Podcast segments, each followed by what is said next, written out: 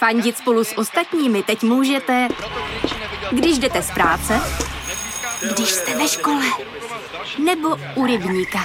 Jsme tu, abyste mohli být mezi svými kdekoliv. Tak zůstaňte ve spojení díky datům na naší nejrychlejší mobilní síti v Česku. T-Mobile. Pozornost světových médií se upírá směrem k Jižní Americe.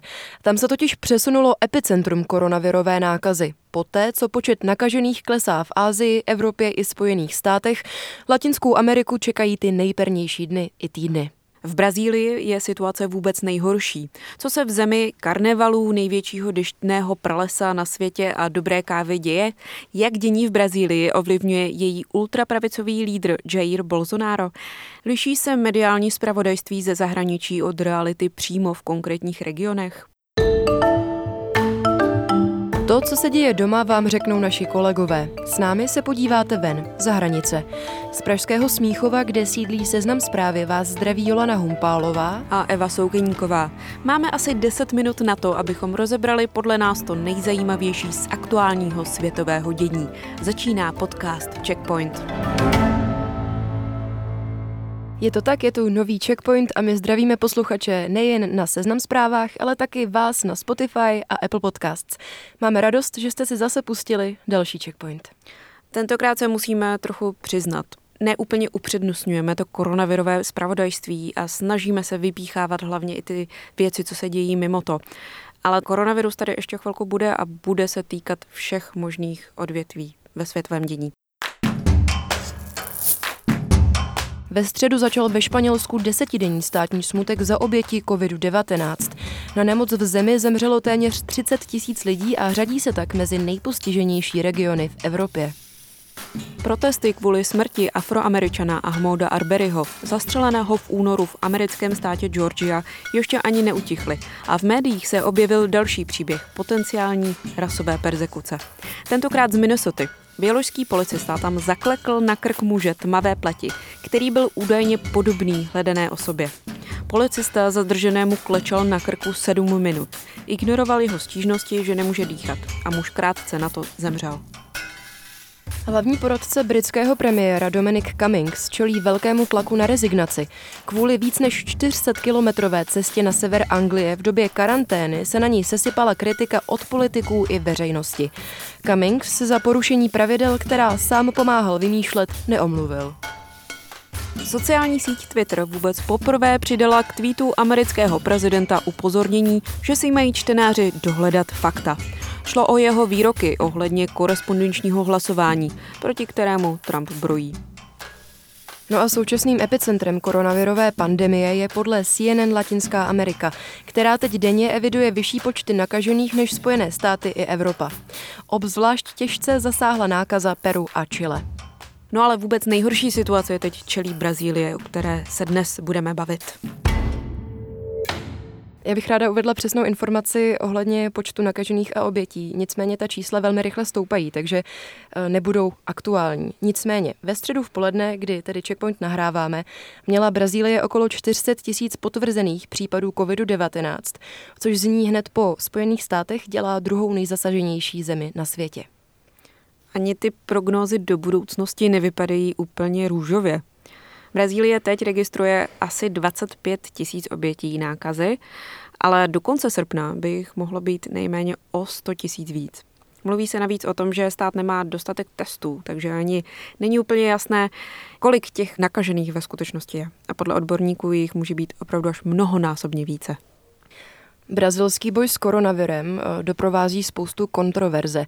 Eh, zmínit můžeme třeba výroky prezidenta Jaira Bolsonára, který se ke krizi postavil velmi laxně a tak nějaký pořád popírá, ale více povíme za chvíli.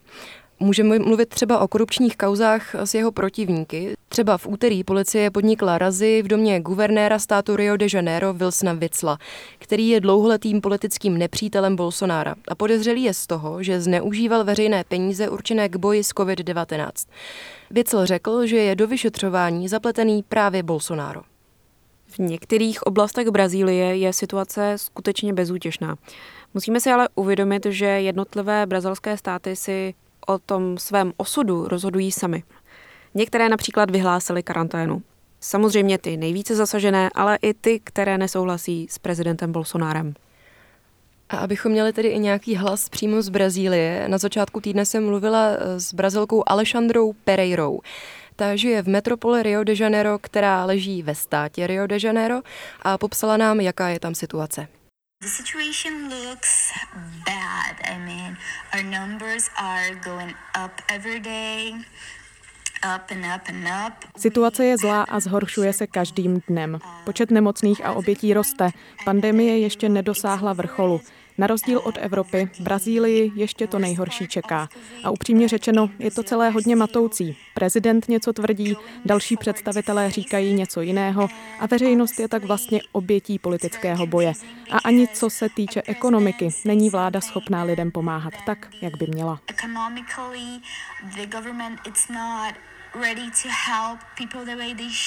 Kromě Brazilců jsme ale také mluvili s Čechy, buď těmi, kteří v Brazílii sami žijí, anebo dlouho žili. Jednou z takových je spisovatelka a novinářka Markéta Pilátová. Srovnává mimo jiné český a brazilský postoj k pandemii. Jakoby ta krize se zvrhla zároveň v takový politický boj a mm, ti lidé, kteří vlastně trpí to pandemii nebo, nebo Brazilci obecně vlastně se nachází v takové jakoby schizofrenní situaci, protože mm, něco jiného jim říkají třeba guvernéři jednotlivých států a něco jiného vlastně říká prezident, říkají epidemiologové a něco jiného říká prostě vláda.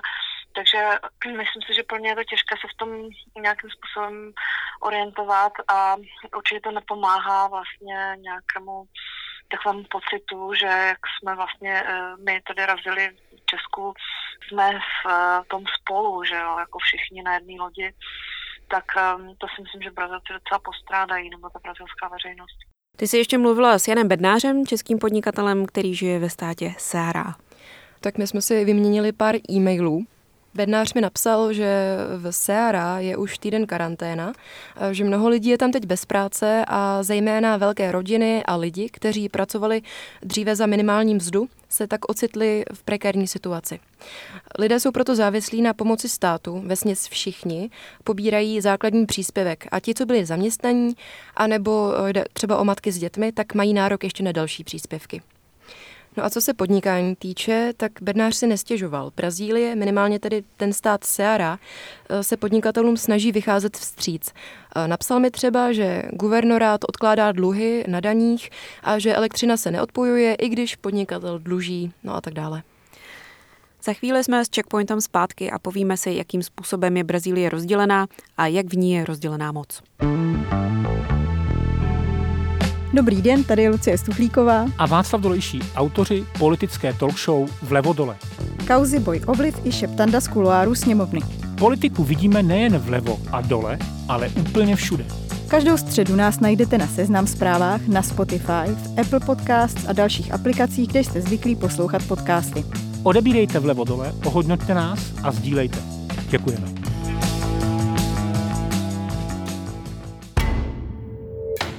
Když teda srovnáváme ten český a brazilský přístup, jak to zmiňovala Markéta Pilátová, musíme si uvědomit jednu velmi důležitou věc a to je velikost Brazílie. Když třeba se podíváme na mapu a srovnáme Brazílii například s Evropou, ta velikost je přibližně stejná.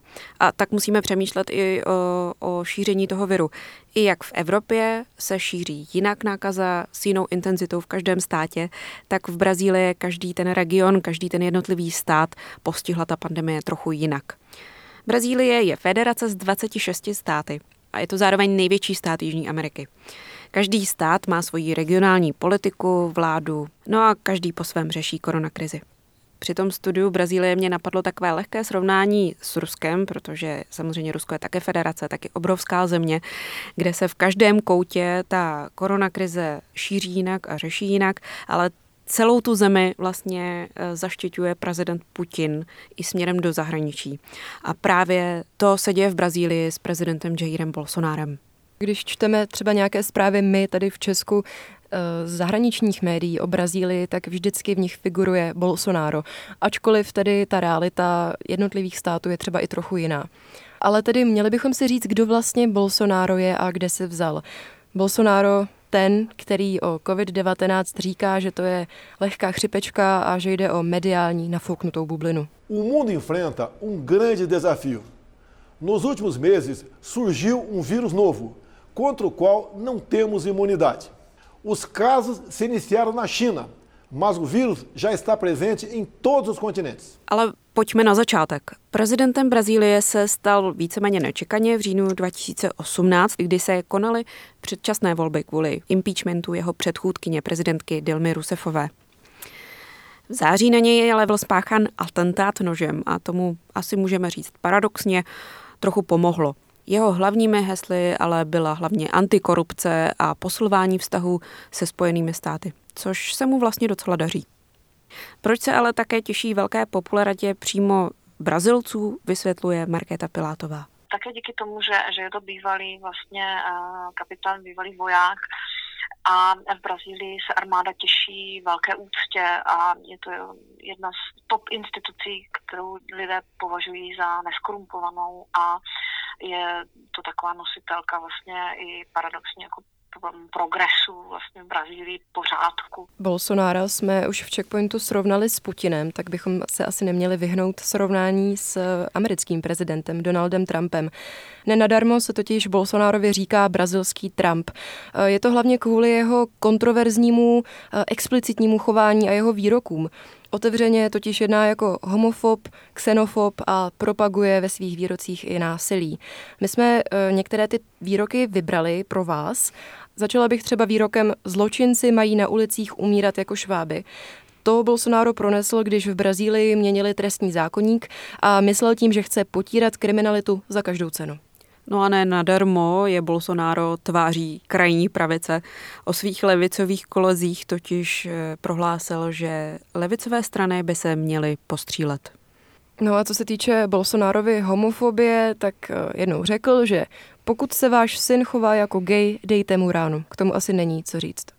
Důležité ale je, že tento Bolsonaro ovlivňuje celý latinskoamerický prostor, ale také zahraničí. Za zmínku stojí i spor mezi Bolsonárem a jeho francouzským protějškem Emmanuelem Macronem.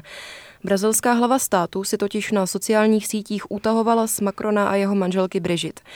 A šéf Elizejského paláce na to reagoval ostrou kritikou. A to jenom prohloubilo nevraživost mezi Brazílií a Francií. Tam mezi těmito dvěma zeměmi panuje kvůli neschodám eh, těchto dvou politických aktérů kvůli řešení nebo spíš neřešení klimatické krize. Bolsonaro a klima, to je téma, kterému bychom se mohli věnovat v samostatném dílu Checkpointu a myslím si, že to přijde v blízké době. Přijde to. Bolsonaro je totiž takový předák jakéhosi antiklimatického hnutí, které se ve světové vrcholné politice utvořilo. No a kam se na něj hrabe i Donald Trump. Bolsonaro totiž mimo jiné prosazuje to, aby byla chráněná území, jako je Amazonie, která je na území Brazílie, poskytnuta pro zemědělství a těžbu. Mimochodem odlesňování amazonského pralesa v prvních čtyřech měsících tohoto roku dosáhlo nového vrcholu. No a stalo se tak právě i kvůli koronakrizi, protože celý mediální svět a svět obecně upíral svou pozornost uh, právě na koronavirovou nákazu a Brazílie si tak mohla vesele odlesňovat, když to tak řeknu.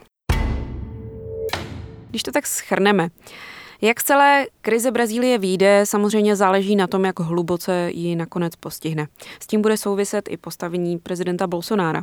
Přestože je momentálně stále oblíbený, s velkou ekonomickou krizí může přijít i velký propad jeho popularity. No a my slibujeme, že Brazílii budeme i nadále sledovat.